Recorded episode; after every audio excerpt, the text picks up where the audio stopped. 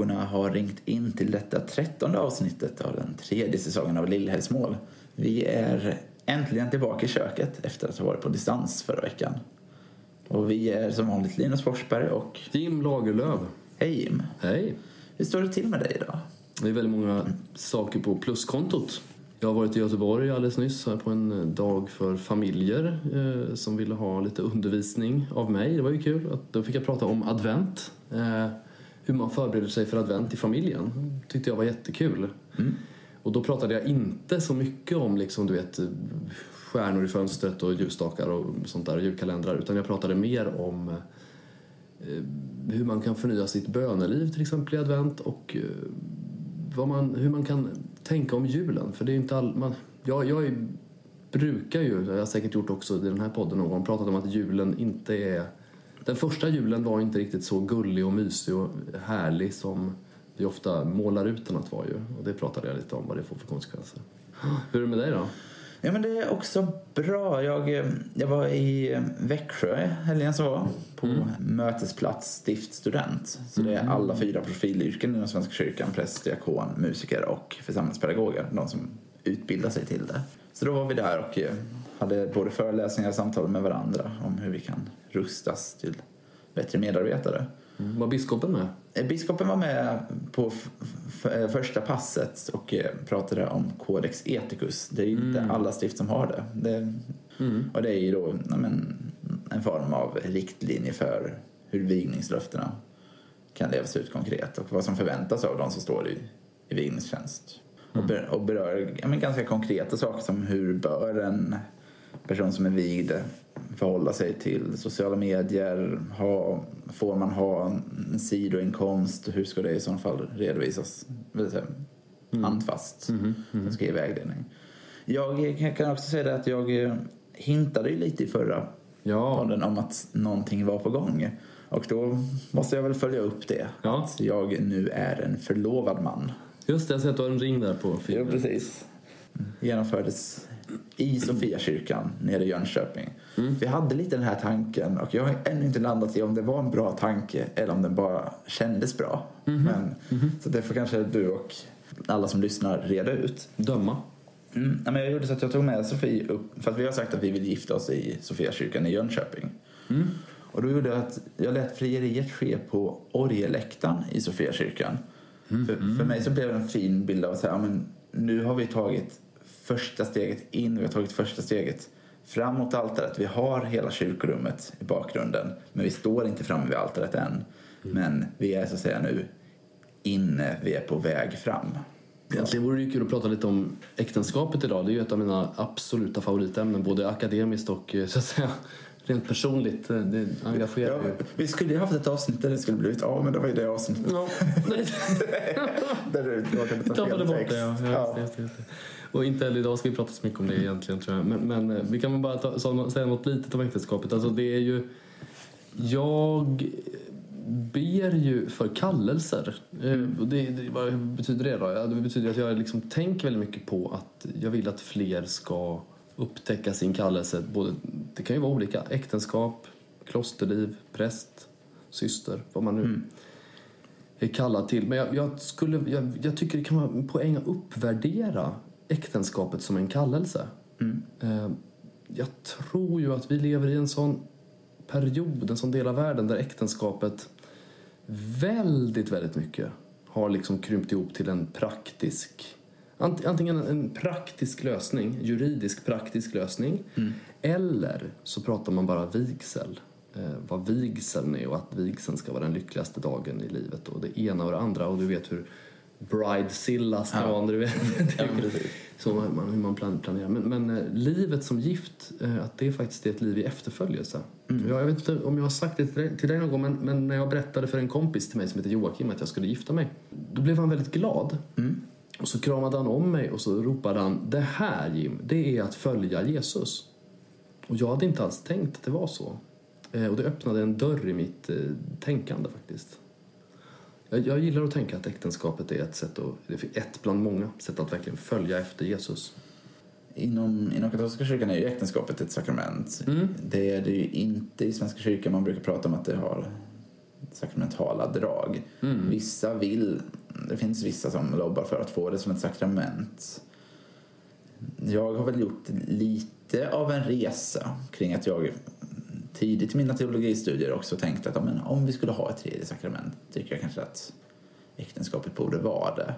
Jag har börjat röra mig bort från den tanken utifrån den ståndpunkt som jag, tänk, som jag värderar väldigt högt i det lutherska att sakramenten ska i grund och botten vara något som alla ska kunna ta del av och alla kommer inte kallas till äktenskapet. Så av den anledningen har jag rört mig bort från att ha det som, ha det som sakrament. Däremot så tänker jag att behålla den, den sakramentala karaktären och det höga värderandet av det. Vad är den sakramentala karaktären tänker du när du säger de orden att den har en sakramental karaktär? Den korta förklaringen, här skulle du kunna sitta väldigt länge. Ja, verkligen. Men i korta drag att så här, att det är, det är mer än enbart en yttre rit, att det händer någonting. Det är större än många av våra andra riter. Jag tänker att en del som jag tänker på när det gäller sakrament, den sakramentala dimensionen av äktenskapet det handlar om att eh, liksom, det gemensamma livet är så skört. Och eh, människor som är väldigt olika kallas att leva nära. Och den man lever nära kan man också skada otroligt mycket. Eh, och att vara medveten om att det är så. Man, man kan... Man kommer så nära, nära varandra på ett, på ett väldigt, väldigt, väldigt djupt plan också kan det bli. Eh, och, och det betyder, här behövs det mycket nåd. På olika plan. Dels att liksom leva i förlåtelse i äktenskapet, att bära varandras bördor, att förhålla sig till sina egna, allt mer uppenbara brister och den andres såklart.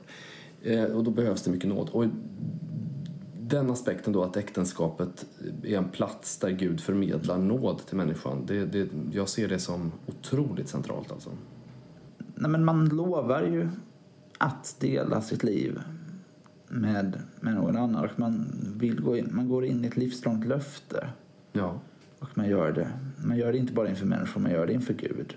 Det finns något väldigt stort, det finns något som skulle kunna vara ganska skrämmande men som istället blir ja, något av det vackraste. Jo.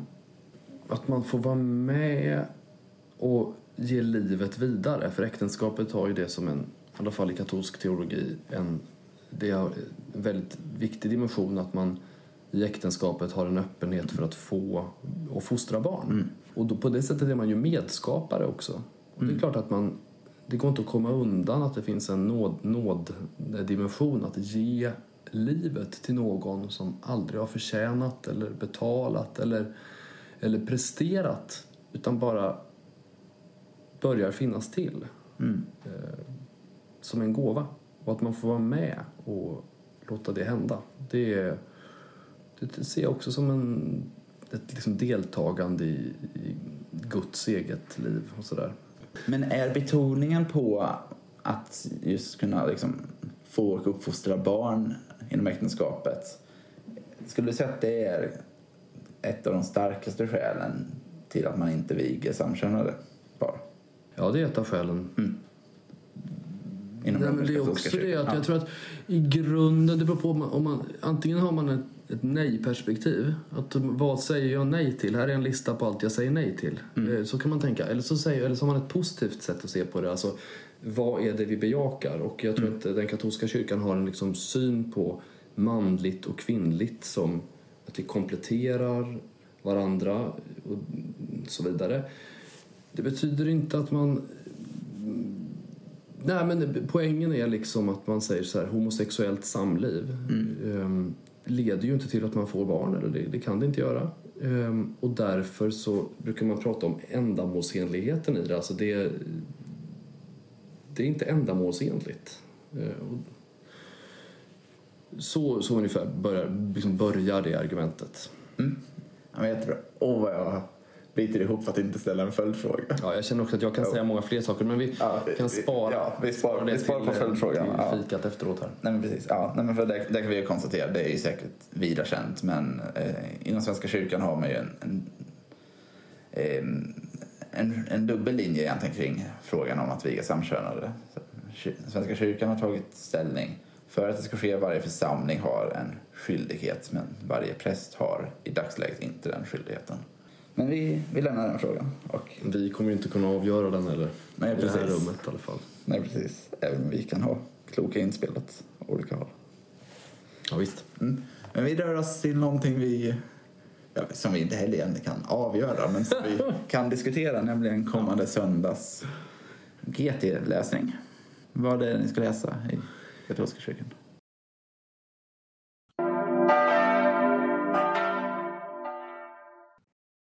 Det blir andra Samuelsboken kapitel 5 som handlar om... Får jag gissa? Är det någonting med domen? Nej, Det är det inte. fel. Är det domsöndag? Fel, fel, fel, fel, fel. Som, som Brasse brukar säga i, i vad heter det, fem myror är fler än fyra elefanter. Men nej, eh, det, det tar vi längre fram här. Men, men, eh, utan det handlar om när folket i Hebron kommer och så säger de vi, vi bejakar att David ska bli smord till kung. Och sen blir också David smord till kung. Det är ju såklart en lång process som, som är, föregår det här. Men här handlar det om när David då bondpojken eller herde, herdepojken som har varit med om både det ena och det andra. eh, Han blir då den samlande figuren som enar Israel. Eh, I alla fall vissa delar av sina liv är det så efter att ha varit jagad och på olika sätt eh, utstått saker och ting. Det här tycker jag är intressant. Ja. Jag, eh, jag fick två tankar nu. Ja, du håller upp två fingrar. Ja, precis. Ja. Nej, men det ena är för att... Ja, ja yes. vad kul med den här ivern ändå. Ja, men jag, ja, jag uppskattar kände att nu, jag nu har jag någonting. Ja. Mm. Jag vet inte om det är bra, men jag har- håller någonting. Ja. Nej, Men jag tänker att just det här att ni fokuserar, texten fokuserar på, på David och liksom smörjandet av David. Ja. Då tänker jag att eh, vi var inne på det om det var förra veckan. Att förr så var ju adventstiden längre. Eh, Så nu kastar jag ut lite frågor, men jag ska ta båda två spåren. Att kan det här knyta an till det? För att eh, i Svenska kyrkan, jag har ju redan nu kan säga sneglat lite på söndagen som kommer efter detta. Och då kommer Svenska kyrkan in när vi inne i adventstiden. Mer in på det här temat. Så att därav kan det ligga nära till hands. Eller så kan, kan det här handla om det vi var inne på förra gången. Att sätta en bild av hur domen inte bara är liksom det liksom tunga, det allvarsamma. Utan att ja, men, det, fin- det kommer någon som faktiskt också gör att domen blir något mer behaglig. Jag hörde en, en predikan i söndags nu som fokuserar på det. Vi just Den behagliga domen. Ja, eller, eller just det här dubbelheten som vi var inne på. Han, pratade om både hotet och hoppet. Var det återkommande temat. Jan-Olof som var bis, äh, biskop emeritus i Växjö stift. Ja, nej men tyvärr eh, så ligger ingenting i det du säger. Man, jo, nej, nej, nej. Så här är det. Jag tycker det låter jätteklokt. Det är bara det att det, det, tråkiga svaret är att det heter domsöndag i Svenska kyrkan. Det heter Kristus konungens dag i katolska kyrkan. Ah. Eh, Så sen 1900, början av 1920 tror jag det är, så, så firar vi då Kristus konungen på sista söndagen i kyrkåret. Så man har tagit bort lite grann utav den här domdimensionen och betonar mer att Jesus Kristus är hela världsalltets kung.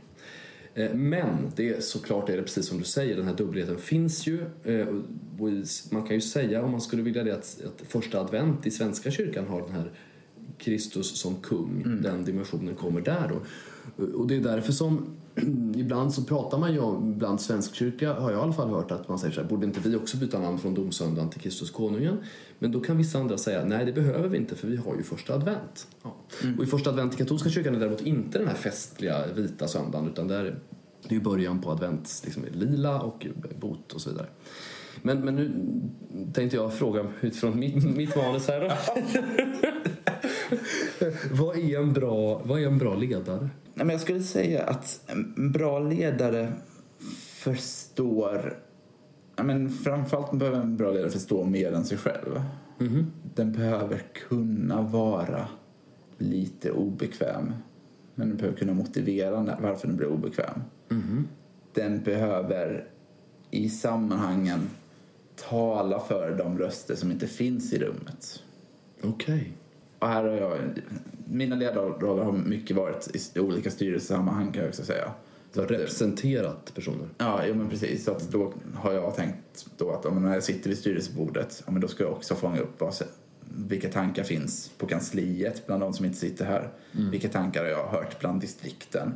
Vilka tankar finns bland de som vi samarbetar med i andra organisationer? Och försöka väva samman allt det här till en helhet. Så att det inte bara lyssna på mina tankar, inte bara tänka vad, vad tänker kanske folk här runt styrelsebordet. Nej men är inte det typiskt för en, en ordförande va? Att Mm. man ska försöka se till att stämningen i rummet blir sån att olika röster känner sig välkomna att yttra sig. Eller Mm. man kan säga så. va?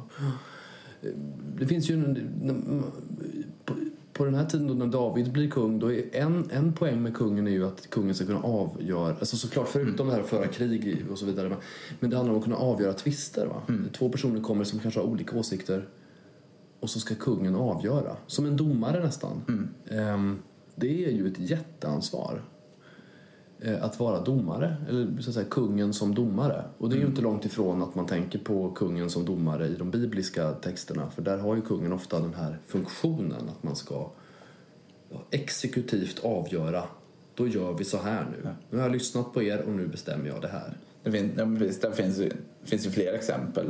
Den, det första som kommer till mig är ju när Salomo får Ja, två kvinnor som kommer och tvistar om vem som är... vems, ja, vems barn det är. Ja, precis. Och där blir det ju väldigt tydligt. Just det. Men även alltså om Jesus, som han säger, då ska sätta sig på den där tronen i slutet, i Matteus 25 är det väl, och då skilja fåren från getterna. Ibland är det ju skönt att det inte är du eller jag eller någon annan människa som ska sitta där, utan han har hela bilden. Det är väldigt skönt att komma ihåg det, att den som då till sist ska ja, men då döma, avgöra, han har hela bilden. Och dessutom har han ju själv sagt att inte, inte heller jag dömer er. Inte heller jag dömer dig, utan det är upp till dig själv Ja. på något sätt. Vad du... Oj, vilken intressant tanke om vi skulle sitta där.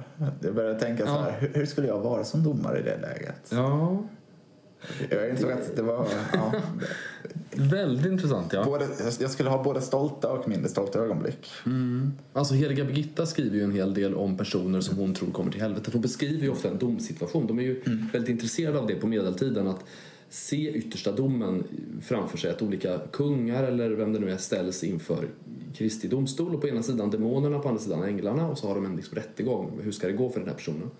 Och då är hon ju extremt sträng och berättar vilka hemska straff de här personerna får och att, eh, att liksom varsågod och få djävulen ta hand om den här personen och så vidare. och så vidare. Men sen är det så att hennes son dör efter att ha levt ett liv i sus och dus kan man säga. Och då blir plötsligt Birgitta lite mer, mm, vad ska man säga, mild. Ja. Eh, och hoppas verkligen på vad Jesus gjorde på korset, att det ska gälla eh, för hennes son och för så vidare. Att även om djävulen har en hel del åtalspunkter som han, han anklaga den, kallas han ju ibland va.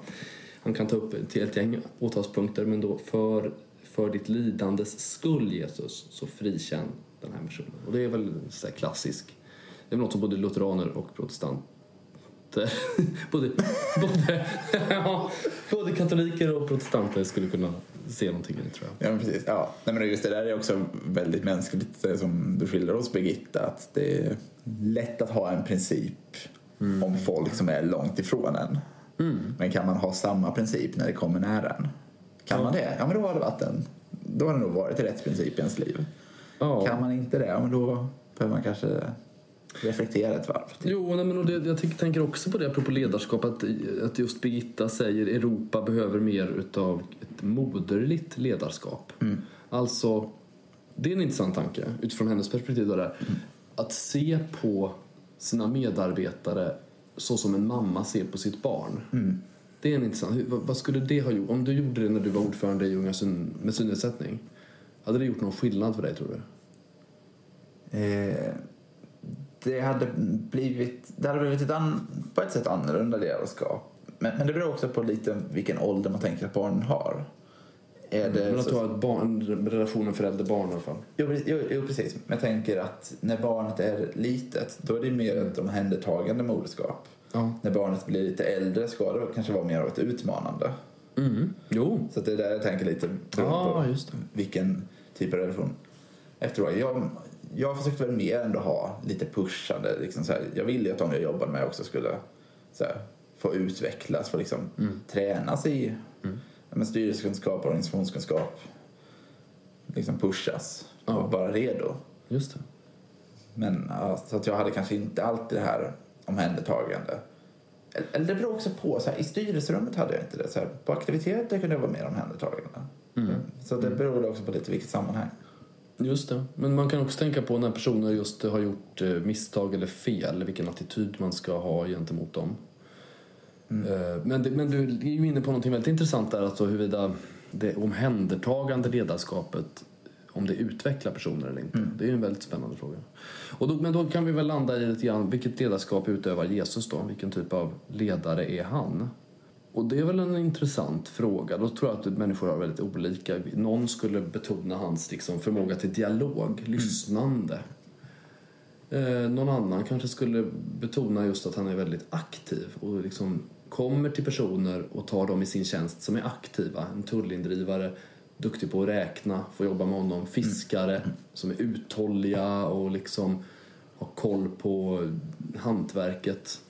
De får jobba med honom. Han är bra på du vet, headhunta personer. Ja, precis. Där, jag, jag nämnde att jag var på en MSS-helg i helgen. Och då var det en föreläsning om, om själavård bland annat. Och då lyfte den här personen att Jesus kanske bästa ledarskap utifrån självvårdsperspektivet var att han drar sig undan. Att han tar hand om sig själv också. Ja, Och det har vi också varit in lite på några gånger. Vad det innebär att Jesus drar sig undan. Men det, det, åh, vad bra att du tar upp just det, för det, det gjorde att jag tänkte på det här med en chef måste kunna lita på dem som han jobbar med. Och det tror jag faktiskt, om vi ska landa i det då, kanske man kan säga så här. Jag hörde svensk kyrkaprästen Hans Weissbrot någon gång tala om eh, Kristi himmelsfärd. Och så liksom Jesus gör sin himmelsfärd och änglarna står uppe i himlen och tittar ner på eh, vad som händer. Och till sist så ser ju änglarna att det är bara lärjungarna kvar där. Och så tittar de på varandra och liksom skakar på. Är det de där som ska, som ska sköta businessen på jorden nu? det, det säger ganska mycket tycker jag för att det, det så funkar det. Gud ger verkligen människan ett stort, stort ansvar. I alla fall utifrån katolska teologer. Man tänker verkligen så. Människan har fått ett ansvar. Eh, Gud har lagt saker och ting i våra händer som han vill att vi förvaltar och, och sådär. Ehm, och det finns en sån fin judisk berättelse om när Gud ska skapa människan. Då diskuterar änglarna i himlen vi, om det är klokt eller inte att det här kommer nu skapas en person med fri vilja som kan tacka ja och tacka nej. Till skillnad från andra då. Alla änglar säger nej, gör inte detta. Skapa inte den här varelsen. Det kommer skapa kaos, krig, lögner, mord, allt möjligt dåligt. Det är bara en ängel som, som säger att han borde göra det. Och det är då den ängel som i den här berättelsen kallas för kärlekens ängel. För den ängeln förstår att den här friheten krävs för att det ska bli ett verkligt kärleksfullt gensvar från människan. Och det är det där mystiska, hur, hur Gud litar på oss på ett otroligt speciellt sätt. Och det kanske är på det sättet som han utövar sitt ledarskap också. Så eh, blir en slutsats av det här, den här delen av samtalet att vi ska träna på att lita mer på varandra? Ja, verkligen. Och man kan väl ha det som bottenplatta att Gud litar på dig. Ja. Och det kan man säga att trots allt, trots att han vet allt om dig, trots att han har 100%, alltså 100% koll, så har han tänkt så här, jag anförtror dig ett stort ansvar. Ja, men precis. Ja, men precis som du säger, Gud litar på mig. Och det betyder ju också att jag vet att Gud litar på dig. Och om Gud litar på dig, då kanske jag ska lita på dig. Gör det. Ja. Och med det tänker vi rör oss vidare till Svenska kyrkan.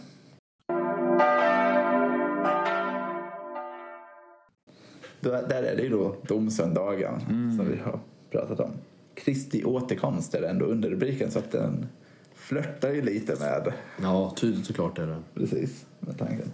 Och det är från Daniel 7, verserna 9 till 10. Och här är ju, blir ju dommotivet väldigt tydligt. Det är det här som inleds med, inleds med sedan såg jag tronstolar sättas fram och en uråldrig man slå sig ner. Och sen så beskrivs den här mannen.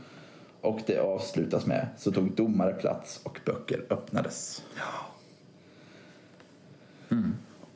Och jag, vi har ju lite berört det här hur Gud litar på oss, att Gud känner oss. Men jag satt och tänkte på det här när jag läste texten. Vad står om mig i böckerna? Så här. Men om vi börjar så här. Gud vet allting om oss. Står allt om oss i böckerna? Frågar du vad jag tror? Ja. Då tror jag att eh, ja, det gör det. Ja. Ja, ja, nej, men precis. Ja, men för det, det, Men det beror ju på vad du menar. Ja. Mm. Ja, Jo, men, nej, men, precis. ja, men för att jag tänker frågan, det som blir det intressanta här, och det blir ju, för att vi, någonstans vet vi att det, man, man hoppas på en nåd, man hoppas på Kristi försonande gärning, och någonstans blir frågan, kommer den redan i skrivandet av boken om oss? Eller kommer den, så att säga, när hela boken är läst? Nej, men det beror väl på hur du, hur du har levt försoningen. Eh, det tror jag ju. Alltså, det, är int- det är ett intressant sätt att tänka. Att, eh, men om, om vi, om vi liksom föreställer oss den här... Liksom, det är en, en bild såklart. Att den här boken skrivs, precis som grekerna tänkte ju. Ja. Att det, det vävs en väv om ditt liv samtidigt som du lever det. Och då är det väl klart att din inställning till nåden märks i den väven. Hur lever du? Hur, hur förhåller du dig till dina dåliga sidor till exempel? Eller hur förhåller du dig till, till dina goda sidor? Blir du stolt för att du är, har bra sidor? Eh, eller, och tänker du så som den här farisén du vet, eh, tack för att jag inte är som den eller den, som han säger. Han som går till templet och ber. Eh, eller, eller ägnar du, alltså det, jag tror absolut att psykologin kan hjälpa oss en hel del här. Alltså vårt, eh, det står ju också på något ställe att Jesus säger allt ska ropas ut från taken. Men där har jag tänkt mycket att det finns någonting som inte kommer ropas ut från taken. Eh, Och det är det som vi har sagt i biktstolen så att säga. Men det kommer däremot finnas i böckerna.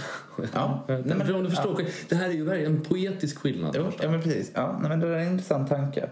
Och jag, eh, ja, men jag uppskattar tanken när du säger också att jag menar, utifrån att Gud känner allting om oss så, så säga, behöver inte boken bara skildra det yttre som händer utan också det inre.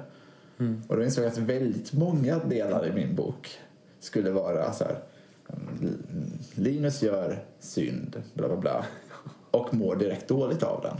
För han insåg att det här var dåligt. För, Ja. för det är mycket min relation att jag...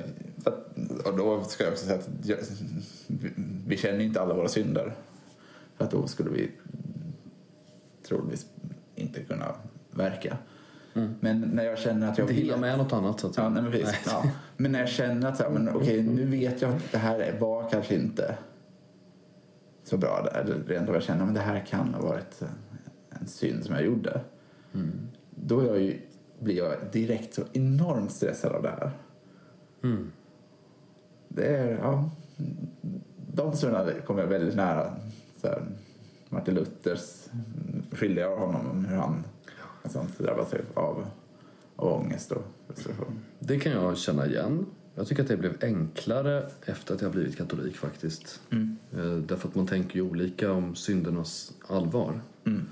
Vissa synder är så pass allvarsamma att man, man genom synden bryter gemenskapen med Gud och då krävs ju att man försonar sig med honom. De flesta synder, många synder är ju inte av den karaktären utan de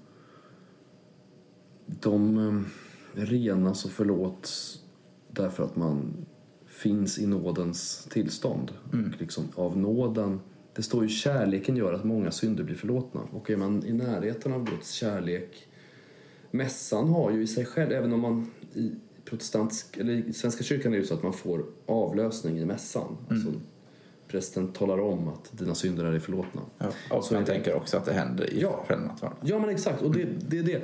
Jag, och, och Men så, det där- det där är- så tänker jag ja. också ju. Mm, Alltså, ja. eller vi, om man, en, en katolik tror också att mässan, alltså själva Mm. kommunionen har den här funktionen av att den renar och förnyar. Men ba, bara... Det går inte att komma till kommunionen om man är i öppen öpp, om man lever i öppet trots Mm. mot Gud. Det gör det inte. Man behöver ju ha försonat sig om man har gjort en allvarlig synd som brutit gemenskapen. Men, men alla synder är ju inte av det karaktären. Nej, men- och det där nu, vi ska inte fastna allt för mycket i det, men det där är en sån fråga som splittrar lite hur folk tänker teologiskt inom Svenska kyrkan, att vi just inom mässan har två stycken förlåtelsemoment. För det finns de som står i traditionen att om jag inte var med vid själva förlåtelsemomentet, vid själva avlösningen, då får inte jag gå fram till nattvarden. Just det. Men det finns de som då menar, till exempel om jag råkade komma in lite för sent, utan då, då går jag hem istället eller så går jag inte fram och tar den. Mm. Medan andra menar, men vi får ju samtidigt förlåtelsen där framme. Så då gör det ingenting egentligen att man missar för att vi har två stycken moment. Det, där, Det är olika. lite olika. Ja, det är olika. Jag står ju i den att jag, jag skulle nog... Jag, jag, jag skulle inte gå fram om jag har missat. Nej, men det, det är det där men det står väl någonstans befria mig också från synder jag inte vet om. Ja. Eh, Det är nog den, alltså den förlåtelse som sker i, i mässan, det är mer en rening som sker på ett större plan. Men om du har definierade synder som du känt det här har jag gjort fel och det ångrar jag, det här har jag gjort fel. Då är det naturligt att du ber om förlåtelse. Det skulle du väl gjort gentemot en annan människa. Varför ska Ja. du inte göra det mot Gud? Ehm, alltså, människa till människa, det säger ganska mycket om vår relation till Gud för att eh, Gud har skapat människan som sin avbild. Så mycket i det mänskliga säger oss saker om relationen till Gud också. Det är, inte, det är inte på ett helt annat sätt utan det är ganska lika. Ehm, Nej, så, så det är vettigt att man ber Gud om förlåtelse. Mm, nej, precis. Jag tror att det, det gör något gott att reflektera över det. Jag har, det har jag inte alltid gjort, men jag skulle inte säga, men i alla fall senaste kanske ett och ett halvt åren, att inför varje mässa där jag vet att här kommer det bli ett förlåtelsemoment så processar jag innan verkligen funderar på men okej, vad vet jag att jag vill be om förlåtelse om?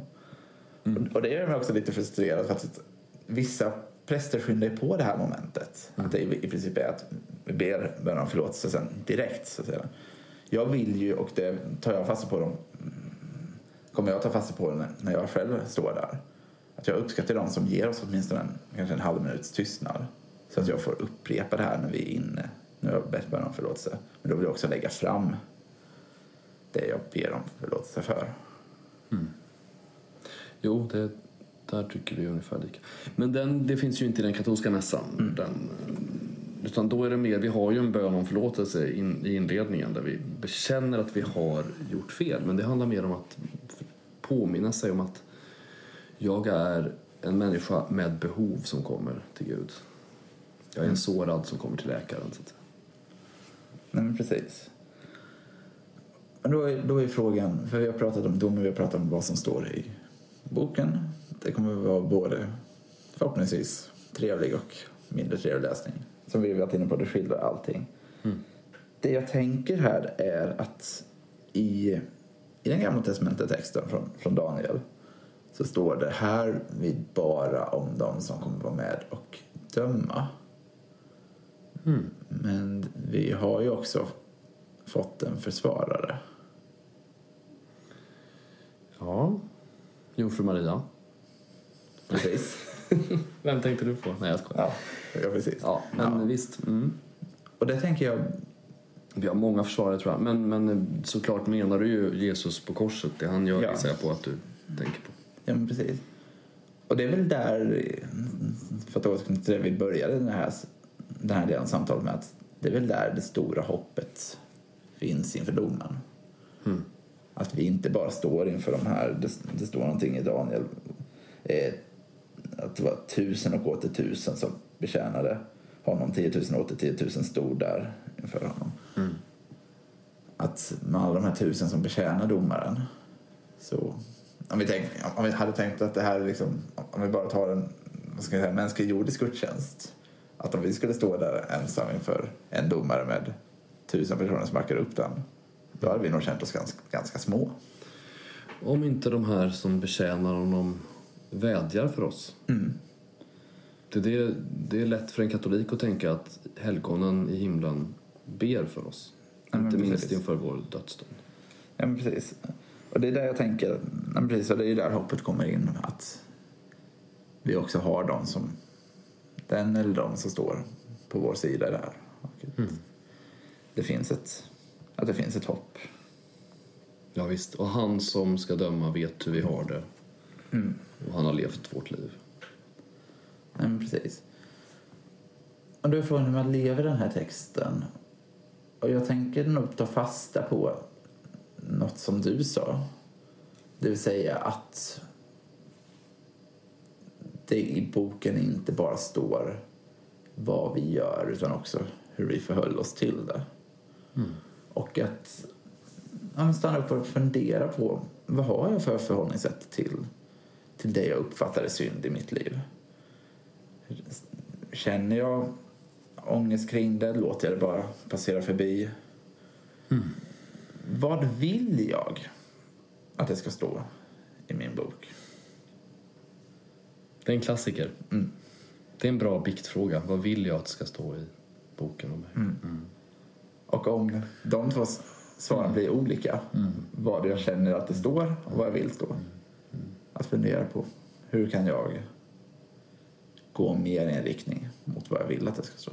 Vi ska snart knyta ihop säcken, men jag tänkte göra något som vi inte gör allt för ofta i den här podden. Jag tänkte för den som vill och känner sig manad att eh, den här, när den här podden släpps så är det lite, lite mindre än en vecka kvar. Men när nästa avsnitt släpps så kommer det ha varit passerat. Men onsdag den 23 november klockan 9 ska jag genomföra en axeloperation. Det ska vara en ganska riskfri operation men alla operationer kan såklart ändå, man vet aldrig, saker kan gå fel. Jag kommer vara nedsövd. Så den som vill får gärna be en liten bön inför den operationen och återhämtningen som kommer därefter. Bra att du delar det också här. Eh, Och eh, naturligtvis ber vi för dig. Tack. Och med det sagt så hörs vi igen om en vecka. Och då är vi inne i adventstid, eller på väg mot Äntligen. adventstid. Ja, på väg. Ja. Alltid på väg.